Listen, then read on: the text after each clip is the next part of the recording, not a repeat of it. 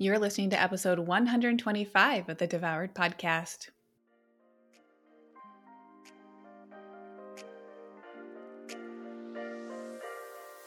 Welcome to Devoured, the podcast for women ready to release the title of Dieter for Good. I'm your host, Lucia Hawley, and I'm a certified nutritional therapy practitioner with my master's in social work, clinical mental health. I've lost 80 pounds and I'm on a mission to get you into the life of your dreams without being the woman who is consumed by diet after diet trying to get there. If you're wanting more in your life and are tired of wondering when or how to make that happen, then this is a podcast for you. You'll learn how to make the radical changes you've only dreamed of 100% possible for you today. I'm so happy you're here. The information provided within this podcast is intended as general education only and is not to be considered a substitute for professional medical advice, diagnosis, or treatment. Okay, party people, welcome to another episode. So happy to have you here. I am very very excited. It's trash day. I'm very, very excited to be talking to you about today's episode.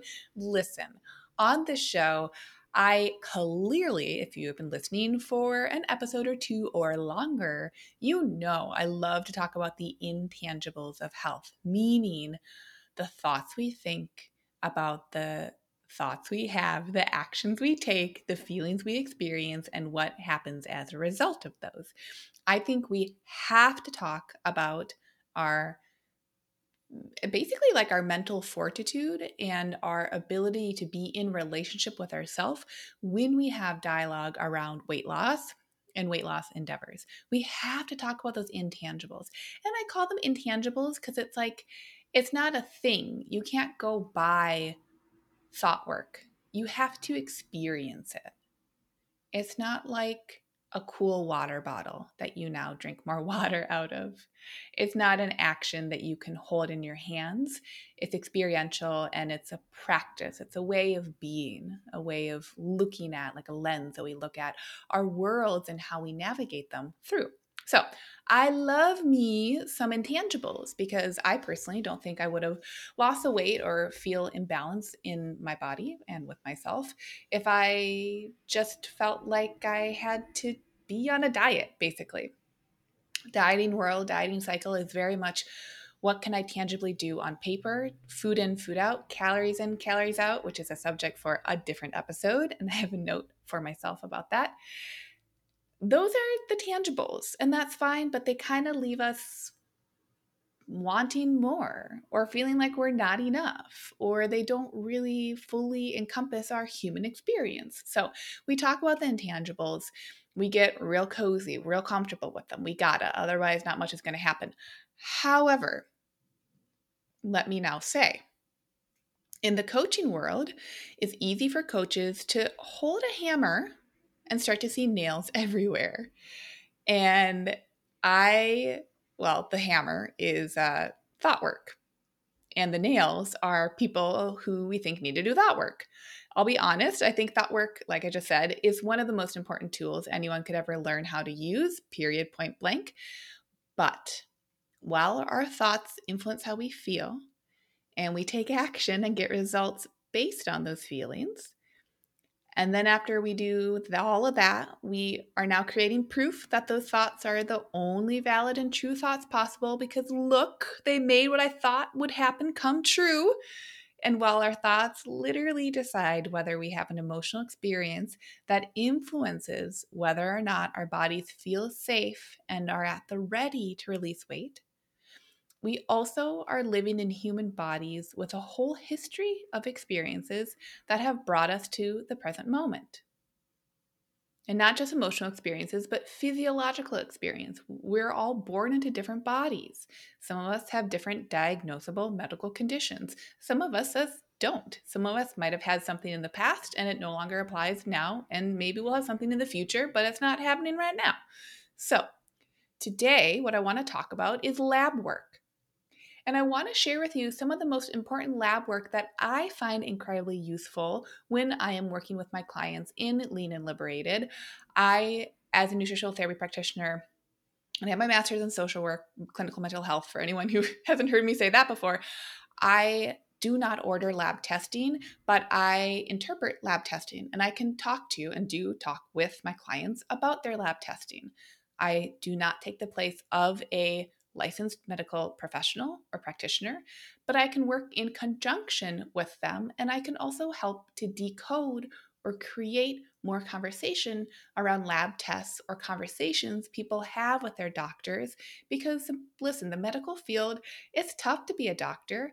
You've quite frankly i think we've all had the experience where the doctor pops in and out of the office.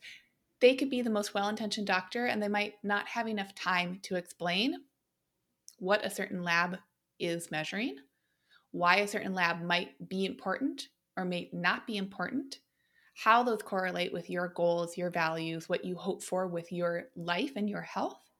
And they also might not be able to offer a full scope because of their lack of time around why something like a medication recommendation or a lack of a recommendation is useful and how it works physiologically in your body and how it's something, if you wanted to, that you could add into your life or remove from your life. And so for me, I realize as I'm thinking about subjects to talk about, lab work is so useful. It's so, so useful. And I want to share with you some of the most important lab work because and why it really matters to advocate for yourself to get this blood work done as a foundational part of your process. And I share this with you actually from personal experience because, and again, if you've listened for a while, you know this. I'm someone who has Hashimoto's, which is an autoimmune attack on one's thyroid. Our thyroid is our master energy regulator. So a lot of my physiological experience in my body has to I have to have conversation around my thyroid. Now, I think that that started at a very young age. I think by age 11, my thyroid should have been part of a conversation. And it was not part of a medical conversation until I advocated for that at about age 20, 21. There was no doctor that suggested that that could be part of the barrage of different symptoms that I was experiencing, including weight gain. And as you've listened to before, the weight gain was very secondary to what of a lot of what I was experiencing. I felt like very much my body was different than like my siblings' bodies, and I couldn't figure out why. And it felt like it was a problem for me to solve. So instead of being a victim to that, I decided to use my brain because I liked it. my little neurons fired pretty sharply, if I do say so myself. And I figured out and did the work of trying to advocate for different labs and panels to be drawn so I could have a more robust understanding of what was happening to me physiologically so I did not have to feel like a victim. So I really believe that advocating for yourself to not only ask for blood work, but to be knowledgeable about the types of blood work available and to be then able to, as a patient, as a client, to be able to understand and interpret your own labs is one of the most empowering things we could do for our health if we feel like we have some chronic stuff going on that we can't quite figure out. So, I want to share with you a basic rundown of just like again foundational panels now i'm a nerd so we could do a lot of panels but i think some of the basic ones if you're someone who's coming to this show you're looking to be losing weight it has felt like a struggle. You feel like you do all the right things, and then it feels like the dieting world and the cycles and the thoughts are really frustrating. And it just feels like there's something that's missing. It might not just be that you have to do more and more thought work. The thought work will always be helpful. I will add that in. Like, you literally can't do too much thought work. Legit. And I know if you feel like you have, it's because that thought work is like trying to show you something there too. What? Very meta. But the lab work will always be supportive to help us at least get an initial snapshot in time of what our bodies are experiencing physiologically. And from there, we can feel more empowered to be able to take actions and create choices that support us with that deeper understanding of our bodies. I will also add that I haven't shared an episode like this before because being in the wellness and nutrition world, I see people who get so caught in the data and the nitpicking of their data, and it becomes a hyper focus. And there can be some uh, fretting and worry that is created by lab work and, and honestly feelings of not feeling good enough feeling like our bodies are broken so I want, I want you to know right here right now we are in such a beautiful time and age there is so much possibility that can happen simply by having more education and information available to us. So if you have lab work that's come back and you're either not sure how to interpret it you're not sure you feel like you wouldn't be able to do that you don't know where to turn for that or you feel like you got some like something back from a panel that is like telling you that your body is broken i want you to know right here right now probably not. It's just your body communicating with you asking for support and communication as we all know from relationships communication is a powerful thing that we can leverage once we're in communication that's when change can happen okay so i love the medical field like there's like so many disclaimers I have to say. I love the medical field. As I mentioned, all too often practitioners might not have enough time and they also might not run full panels that can clue us in as patients into what is happening in our bodies. And I really think that's just because in some of the more functional fields of medicine versus more conventional fields, there is a difference of opinion of how deep we can go with this information. There's so, like I just said, I could talk for forever. There's so much information available to us via blood work, saliva panels, urine panels, looking at hormones, etc. So while there is so much more that I will not be speaking to on this show, if you are someone who's felt like you haven't been empowered by your practitioner to hold your own data in your own hands, to actually even feel like, God, maybe there is something physiologically that this cycle of weight gain, weight loss is like I feel like I can't quite chip away at things. This is when lab work and this basic yet um, functional lab work could be applicable for you. So it's a conversation to bring up with your medical practitioner, and it might take you advocating for that conversation. If you feel like over time your medical practitioner is not open to that, this is where I would support you to find a medical practitioner who is open to have dialogue with you as their patient because it is their job to do no harm. It is their job to listen to you, and it is their job to make sure that you feel heard, taken care of, and respected as a patient who knows their body best. Okay, so I'm going to start from the top. Again, this is just a like this is a not huge panel, but this is what I would want to be looking at if I were supporting you as an advocate for your health if I saw that you were struggling with weight and that you were feeling like you were eating pretty much whole foods, you were pretty much moving your body, you could always be less stressed out, but like stress was pretty much under control. Like if you were feeling like you were just trying to bang your head against a wall and you were doing the thought work and you were really like feeling like a savvy consumer of that part of your life, here's some stuff I'd want to be looking at. Number one, I would want to be looking at a thyroid panel and this is different than simply the, the common conventional panel that is run when we talk about the thyroid is the TSH. What is our TSH level? TSH stands for thyroid stimulating hormone. So, a full thyroid panel includes other thyroid hormones beyond this TSH. In conventional medical pr- practice, um, there often what can happen is that TSH is included on a basic panel, but if our TSH level comes back within normal range, then it's not looked at any further. And if it comes out back out of range, then what can happen is that uh, that abnormal lab result of the TSH will then offer the opportunity for practitioners to then look at other thyroid hormones. However, I think that does us a huge disservice because a lot of people can feel quite horrible and I'm speaking from experience and have a very normal looking TSH level, but their other thyroid hormones can be out of balance. So, we're going to start with TSH so, the thyroid stimulating hormone is a pituitary hormone that responds to low or high amounts of circulating thyroid hormone. And I'm not going to give you details on this podcast because if I were to tell you like milliliters and blah, blah, blah per, like that doesn't make any sense in a podcast format. So, I'm just going to tell you the labs that I would want you to include. So, TSH. Next up, I would want you to include free T3. T3 is the active thyroid hormone circulating in the body. In addition to free T3, and free means it's like moving around your body, it's free to move, it's not bound to anything.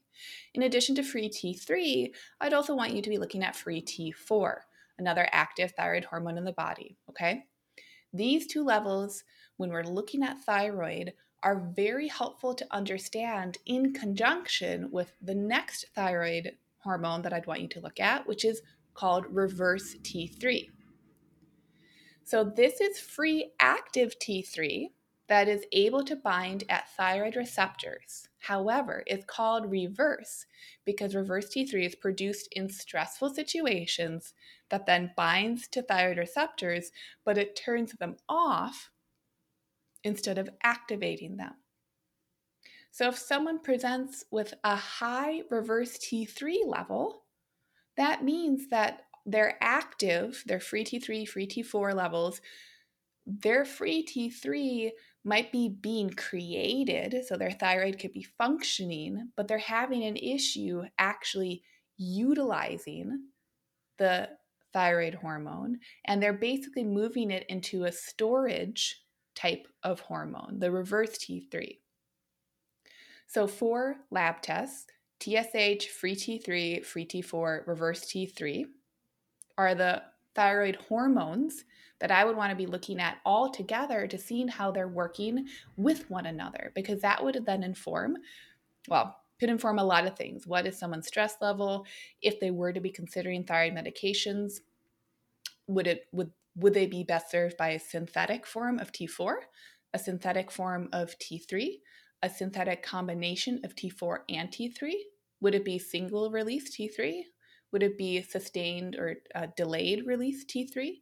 Would they want natural thyroid, which is derived from pigs, which is a combination of T3, T4, and as well as other thyroid hormones? You catch my drift? The very conventional practice is someone has a TSH level that is out of range, that is indicating hypothyroid, which is what is most commonly happening with someone if they're having thyroid considerations. They can have hyperthyroid, they could have Graves, they could have Hashimoto's, which I'll talk about in just a second. They get thyroid cancer. There's a lot that can be happening with the thyroid. But very commonly, if someone is feeling like they're having issues with weight gain, and that TSH comes back out of the normal range, what is and is indicating often is a sluggish thyroid, but it's not the whole picture. So we really to understand the whole picture, we want free T3, free T4, reverse T3, and we want two thyroid antibody tests. Thyroid peroxidase antibodies called TPO antibodies and thyroglobulin antibodies, TG antibodies. These are both markers of autoimmune reactions for the thyroid. So they can be markers of autoimmune hypothyroid, aka Hashimoto's. So, being able to understand if we have levels that are high enough of those antibodies coming back, that that would strongly suggest an autoimmune issue with the thyroid if we have a better understanding that we actually have an autoimmune condition, there are different ways that we would be supporting that. Okay, so moving on. Those were the thyroid panel that I'd want to be looking at and understanding and having you look at and understand. Next up would be uh, serum cortisol. Okay, so our cortisol is a stress hormone. We actually want our cortisol to be changing levels throughout the day. Ideally, when we wake, our cortisol should be at the highest in the morning and then reduce throughout the day. Often, people can have situations where, because of chronic stress, because of physiological stresses, emotional stresses, spiritual stresses, we're having a different expression of that cortisol where it's low in the morning. We're not feeling like we can wake up. We can't really get going during the day. And then it ramps up later in the day. Oh, we get like that burst of energy. We start to feel tired but wired later in the day.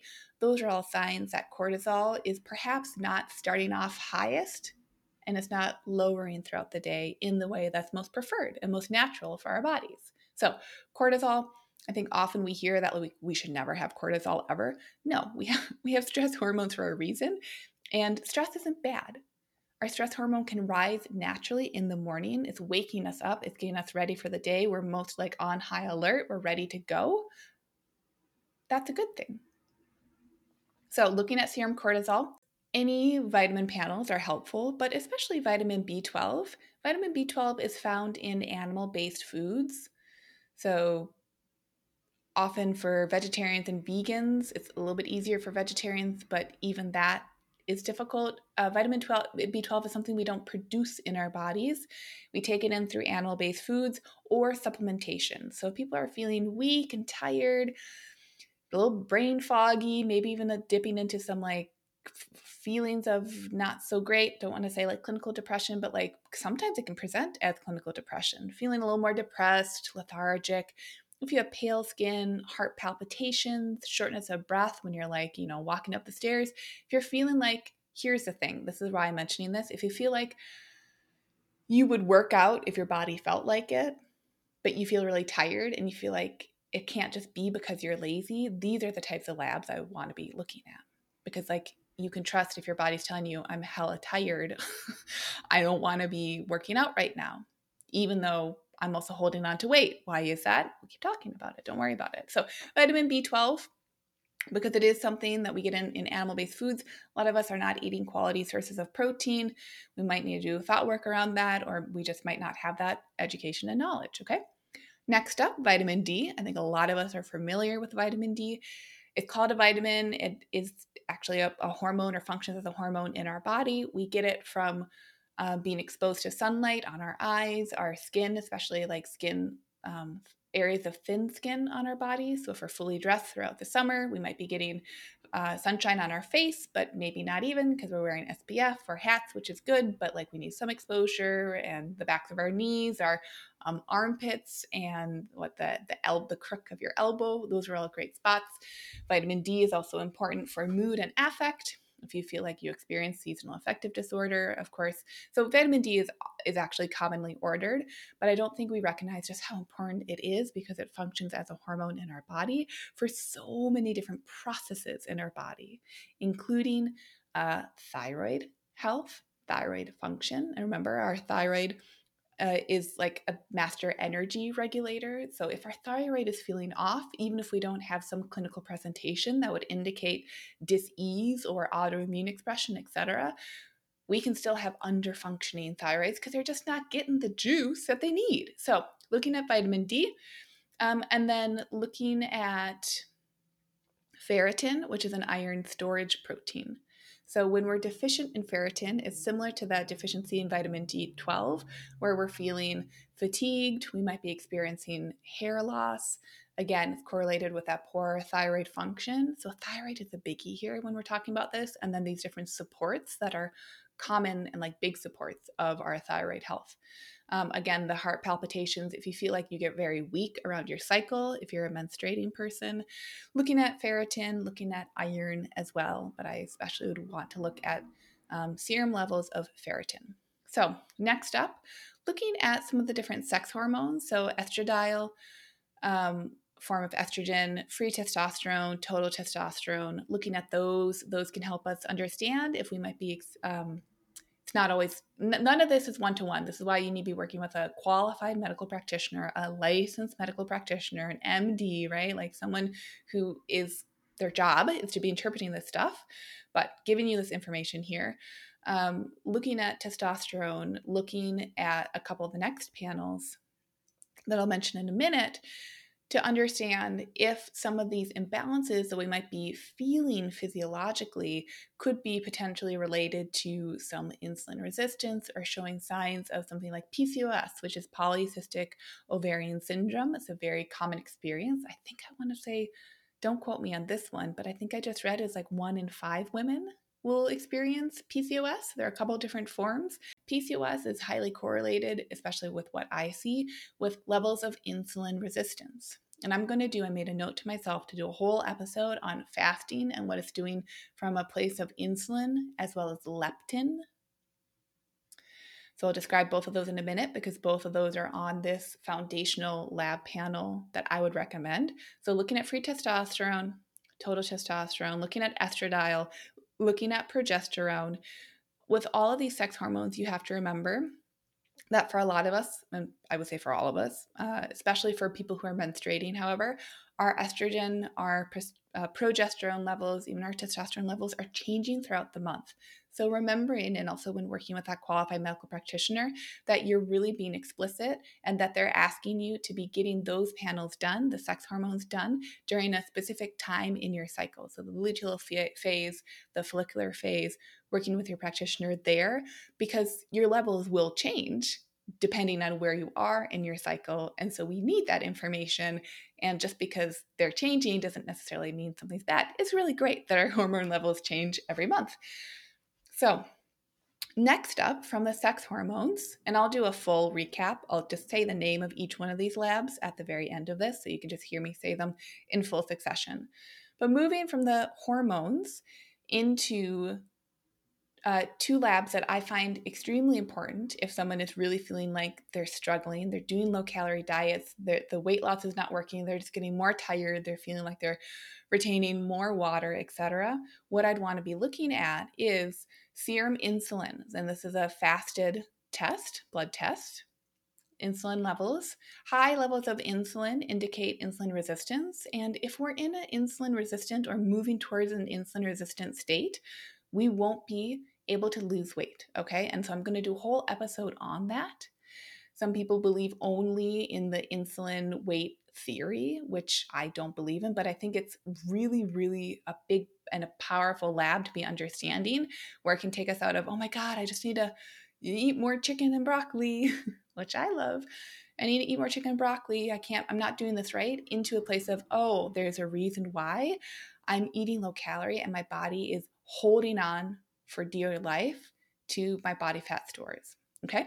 So, looking at serum insulin, looking at those levels, how high, how low they are. Ideally, we want them to be on the lower side of the spectrum, even if they fall within a normal range. And this is also an important point, I think, is that a lot of conventional practitioners will, not everyone, some of them are amazing, but they can often look at panels and say, okay, if they're if they're in range, any part of that range is good and fine. And I would say if you're looking for a practitioner, look for a functional medicine practitioner.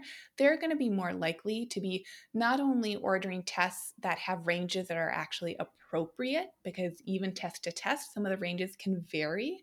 And even if it's a small variance, that can matter if this is feeling like a place that you want to be focusing attention on.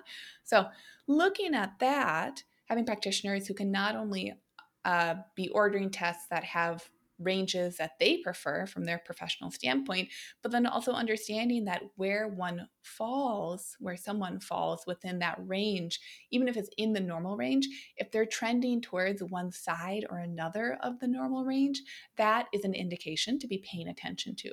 So you might be within the normal range of having normal fasting insulin levels, but if you're in the higher end of the range, I would be much more inclined to pay attention to that and leverage some tools to be able to bring that down to the middle or lower end of the range. Okay, so serum insulin and then serum leptin, also 12 hour fasting. Leptin is a hormone that regulates energy balance by inhibiting hunger.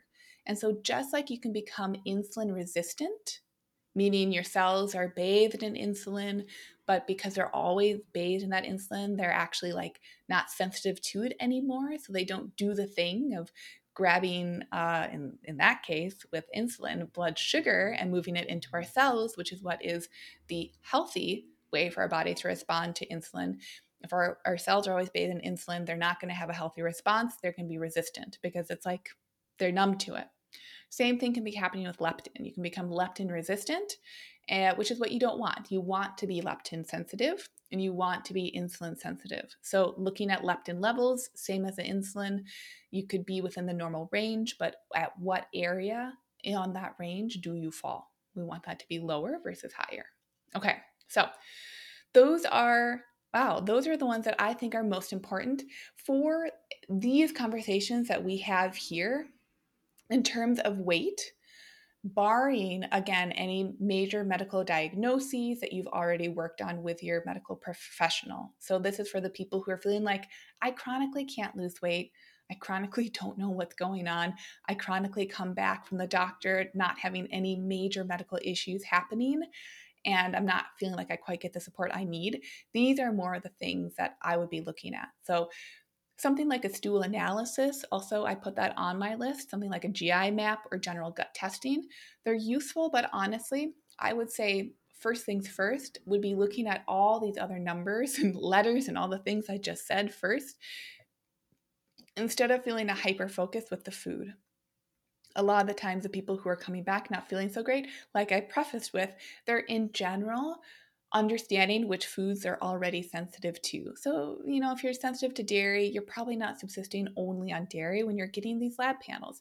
You're feeling like, for the most part, you're kind of in tune with your body. I think the stool analyses are great because they can be identifying underlying infections, but both from personal experience and then from professional experience in working with clients, I think sometimes a little too nitpicky when if we can flip the script and get our systems to be like coming back up to speed from a functional standpoint, that can take care of a lot of the GI issues, right? If we're experiencing low thyroid and we're feeling like we're constipated, okay, well, we might not, we might have stool sitting in our intestines longer. Oh, so we're have, which part do we do first? The dysbiosis? Do we try to kill off those things? Or do we actually want to increase our thyroid levels from a medical perspective, a foundational functional perspective, where our gut motility can be increased naturally the way it should be?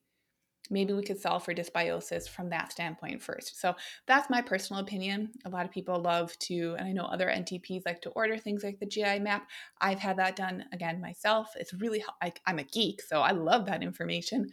From personal and professional experience, I think actually understanding how is my body functioning right now before what are these other things that are potentially frustrating my body, that seems a little more helpful, in my opinion. Okay, so let me go through these again.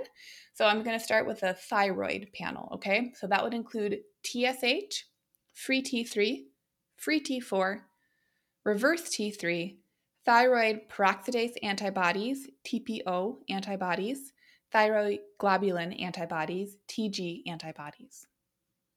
Then I'd want to be looking at serum cortisol, vitamin B12, ferritin, so iron, vitamin D, and then the sex hormones estradiol, free testosterone, total testosterone, progesterone, and then moving into serum insulin as well as serum leptin.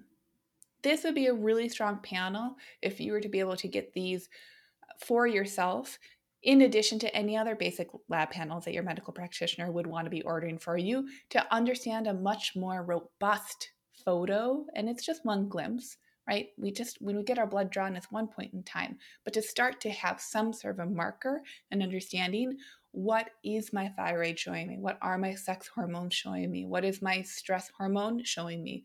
What are any of these common deficiencies that can be difficult for my body to be managing? What are those showing me? What is my insulin? What is my leptin? Am I sensitive to those? Am I expressing some resistance to those?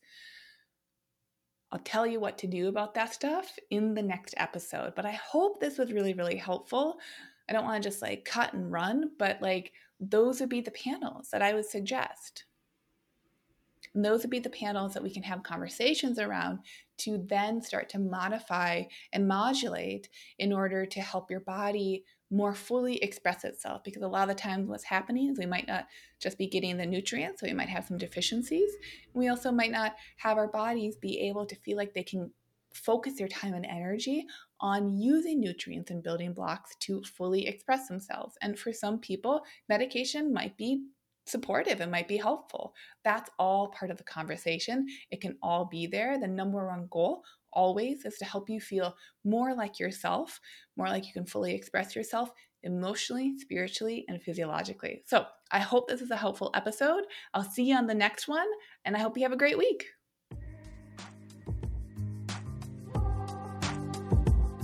Okay, everyone, that's all for this week. Thank you for listening to this full podcast episode. If you want more of this information every day instead of just one podcast episode each week, consider coming over to Instagram to hang out with me. I'm Lucia Hawley underscore over there. That's L U C I A H A W L E Y underscore. And one more thing before this episode ends. Please consider leaving a review of Devoured on iTunes so we can keep spreading the word.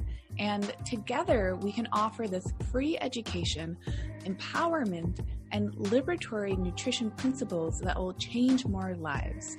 If you're someone who likes to empower other people, then please consider sharing this podcast with friends and family. And by leaving a review, it makes a world of difference.